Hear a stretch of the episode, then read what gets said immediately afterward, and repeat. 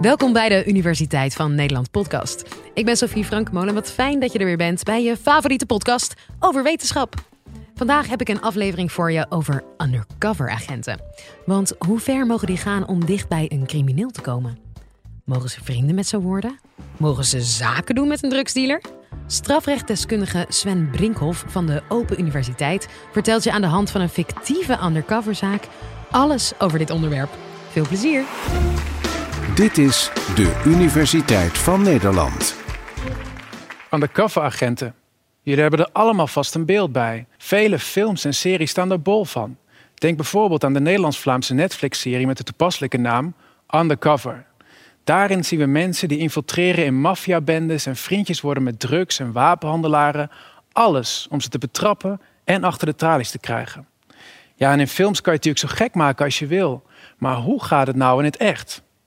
Nou, ten eerste, ja, undercover operaties vinden echt plaats. In alle soorten en maten. Er zijn inderdaad agenten die voor een aantal maanden in de wereld van de drugs- en wapenhandel duiken en zich voordoen als crimineel. En ook komt het voor dat undercovers binnendringen in het leven van een moordverdachte in een poging te achterhalen of hij daadwerkelijk de dader is. En ja, dit alles heeft ook best veel overeenkomsten met de films en series die wij kennen. Maar wat mag er nou in Nederland als het gaat om undercover operaties? Waar liggen de grenzen? En welke gevaren zijn verbonden aan de inzet van dit soort methoden? En houdt het bewijs dat hierdoor is verkregen eigenlijk wel stand bij de rechter? In dit college neem ik jullie mee in een undercoverzaak. En laat ik zien welke haken en ogen aan zulke operaties zitten. Omdat politie en open ministerie uiteraard zo min mogelijk prijsgeven over hoe undercover acties worden uitgevoerd, zal ik jullie een beeld schetsen aan de hand van een fictieve zaak. Fictief, maar wel gebaseerd op echte strafzaken. Onze fictieve zaak heet de zaak Albatros. Onze zaak start met een anonieme melding. De politie ontvangt een anonieme melding dat er in een loods in het Rotterdamse havengebied een partij vuurwapens ligt. En de politie aarzelt natuurlijk geen seconde en breekt direct de loods open.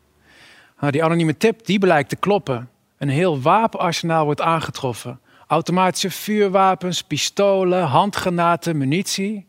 Enkele weken later ontvangt het rechercheteam een melding van een inlichtingendienst. En daarin staat de naam Marco. De wapens die onlangs in die loods in Rotterdam werden aangetroffen, die waren van hem. En deze wapens zou hij uit Servië importeren en doorverkopen in Nederland. Hoewel die melding natuurlijk belastend is, weet de recherche dat dit op zichzelf nooit voldoende zal zijn voor de rechter om tot een veroordeling te komen. De wet is immers duidelijk. Alleen op een anonieme melding mag niemand worden veroordeeld.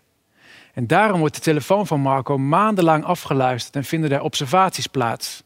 Maar helaas, ook deze taps en observaties leveren niets op. Na overleg met de officier van justitie wordt besloten een undercover-operatie op te tuigen. Het is de bedoeling om één infiltrant dicht in de buurt van Marco te laten komen, om zo te bewijzen dat hij daadwerkelijk op grote schaal handelt in vuurwapens. Die undercover-operatie wordt uitvoerig voorbereid door het team Werken onder Dekmantel, WOD, van de politie. Infiltrant Tibor, een regisseur met jarenlange ervaring bij de politie, wordt geselecteerd om deze klus te klaren. En Tibor die kruipt in de rol van een net gescheiden veertiger en hij neemt zijn intrek in de woning naast Marco in het chique Laren.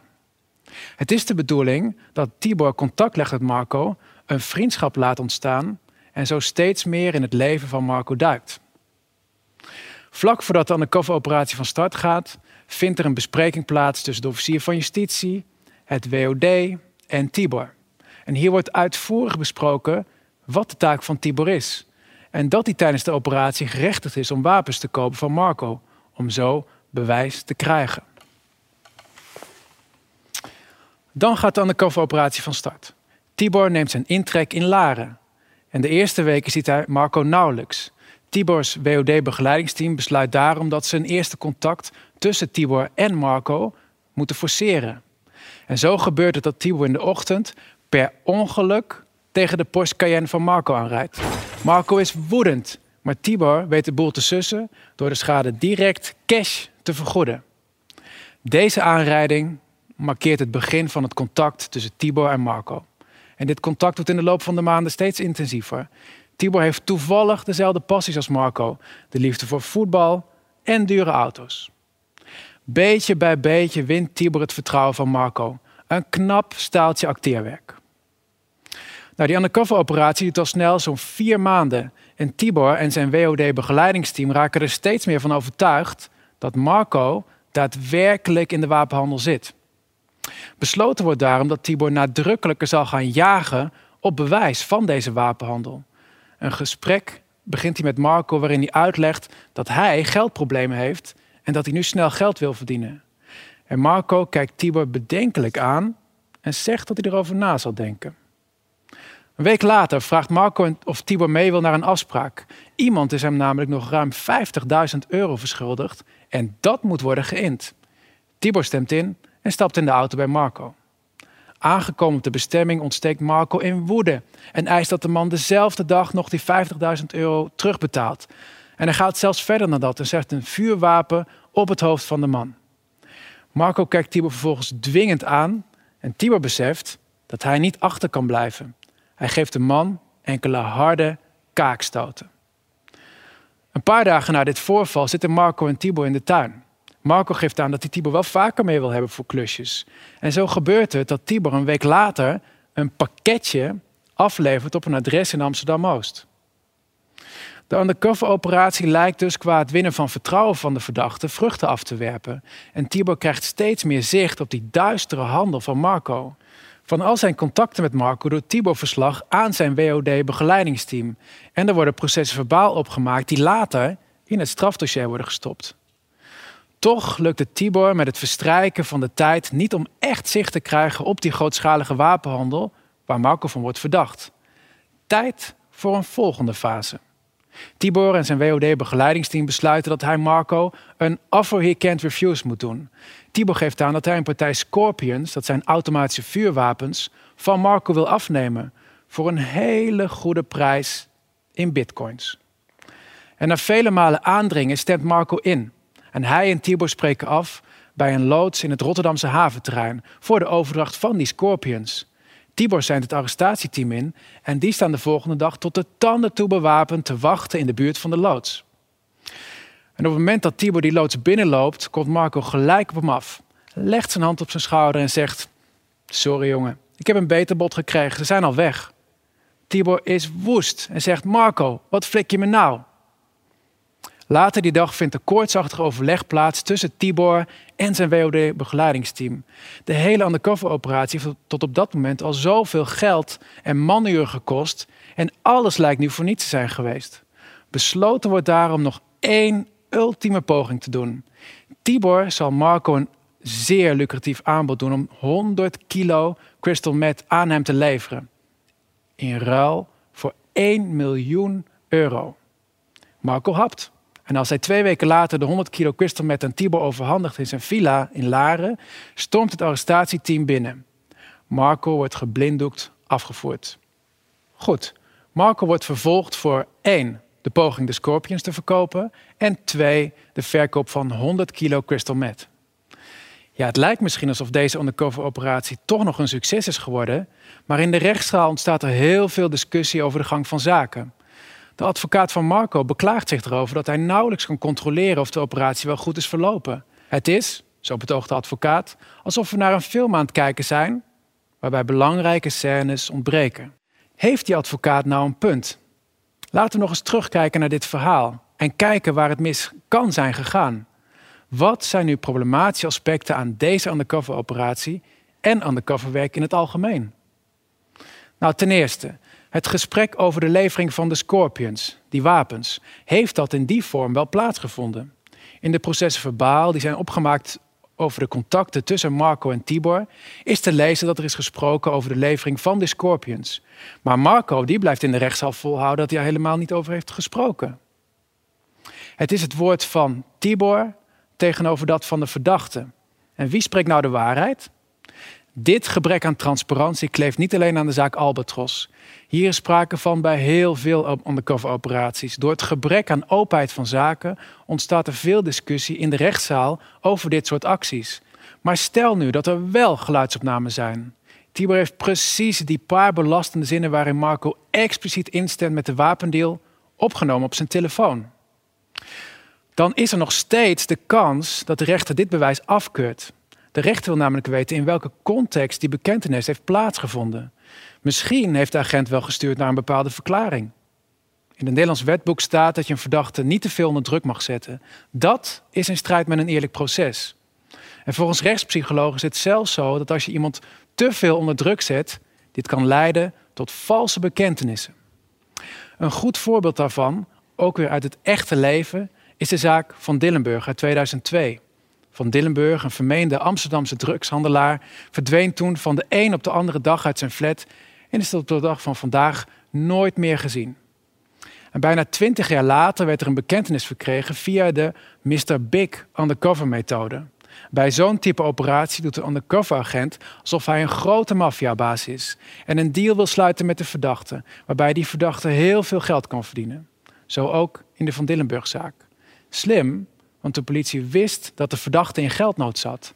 Maar voordat ze met hem in zee zouden gaan, moest hij wel eerst bewijzen dat hij een bikkelharde man was en niet terugdeinst voor een gruwelijke moord. Daaruit volgde de bekentenis op de moord op Van Dillenburg. De Amsterdamse rechtbank oordeelde in deze zaak dat het niet duidelijk was of die verdachte nou onder te veel druk had bekend en hebben de verdachte dan ook vrijgesproken. Goed, maar laten we ervan uitgaan dat we in de zaak Albatros en geluidsopname hebben en dat hieruit blijkt dat Marco niet te veel onder druk is gezet. Ook dan zijn we er nog niet. Er is nog een punt in dit verhaal waar de rechter problemen mee zou kunnen hebben: het uitlokken van de drugsdeal. In deze zaak wilde de politie Marco oppakken voor wapenhandel. Maar na die mislukte wapendeal stelt Tibor Marco voor om te handelen in crystal meth. En dat is uitlokken. Als het ware stop je als infiltrant een bepaald idee over het begaan van een strafbaar feit in het hoofd van de verdachte. En eigenlijk creëer je daarmee strafbare feiten die er anders niet waren. Je lokt iets uit waar de verdachte van tevoren nog helemaal niet over na had gedacht. En dat, dat mag niet. Een mooi voorbeeld uit het echte leven is de zaak van het W Hotel. De zaak begon met het vermoeden dat de portiers van dat hotel harddrugs op bestelling regelden voor hotelgasten. Agenten gingen vervolgens undercover als gasten van dat hotel en benaderden de portiers om te kijken of zij een cocaïne en ecstasy wilden verkopen. Nou, die portiers werden op die manier op heterdaad betrapt. En uiteraard zou je kunnen denken, ja, dat is toch ook keihard bewijs? Maar wat hier gebeurt, is dat door de politie wordt aangestuurd op strafbare feiten, die er zonder die infiltrant misschien niet waren geweest. De laatste ethische kwestie die ik wil aankaarten in dit verhaal is het punt van het plegen van strafbare feiten. Je herinnert je nog dat vlak voordat de undercover-operatie van start ging, er een bespreking plaatsvond tussen de officier van justitie, het team WOD en Tibor. En die officier gaf toen aan dat Tibor binnen de actie in ieder geval gerechtigd is om wapens te kopen. In deze zaak doet Tibor uiteindelijk zelf mee aan een mishandeling. Hij deelt een paar flinke kaakstoten uit aan een klant van Marco. En dat is op zichzelf ook een strafbaar feit. Had hij dat wel mogen doen? Hoe ver mag je gaan als agent? Hier staat niks over beschreven in de wet. Nou, natuurlijk kun je, zoals ook in deze fictieve zaak Albatros, wel afspraken van tevoren maken. Maar ja, dat is voor de undercover-agent best lastig, want je weet helemaal niet hoe het uiteindelijk loopt. Je moet als undercover natuurlijk wel in je rol blijven. En dat moest Tibor ook in ons verhaal. Zo zie je, de dilemma's in dit verhaal stapelen zich op. Moeten we undercover-operaties dan helemaal afschrijven om dit soort problemen te voorkomen? Nee, dat denk ik niet. Het is een ultiem middel om bewijs te verzamelen zodra een opsporingsonderzoek op een dood spoor zit. Maar het moet wel beter. De sleutel tot verbetering zit hem in het geven van openheid van zaken over undercover-operaties, oftewel transparantie. Het is niet voldoende als een operatie van vijf maanden wordt samengevat in tien velletjes papier. En het is ook nodig dat er geluidsopnames worden gemaakt van dit soort acties. Op die manier kan uitgezocht worden of er misschien te veel druk op de verdachte is uitgeoefend door de infiltrant. En ook kan dan goed worden ingezoomd op de vraag of de verdachte is uitgelokt. Als we nu terugkomen op de vraag hoe ver mag je gaan als undercover-agent? Een undercover-operatie is absoluut geen vrijbrief om zomaar van allerlei strafbare feiten te plegen. Zoals je wel eens in films en series ziet. Het is belangrijk dat een undercover-operatie minutieus wordt voorbereid. Dat er tijdens de actie goede begeleiding is van de infiltrant. En het meest belangrijke is dat achteraf, zoveel mogelijk openheid van zaken wordt gegeven aan de verdachte, de advocaat en de rechter. Anders wordt de operatie wellicht in gevaar gebracht en wordt het bewijs waar de infiltrant zoveel risico's voor heeft genomen door de rechter in de prullenbak gegooid. Bedankt voor jullie aandacht. Dat was Sven Brinkhoff. Ik hoop dat je het een leerzaam college vond. En als het nou zo was, abonneer je dan even op ons kanaal. Elke week hebben we twee gloednieuwe colleges, zo hoppa in je app. Volgende keer hebben we het over de ondergang van het Romeinse Rijk. Tot de volgende!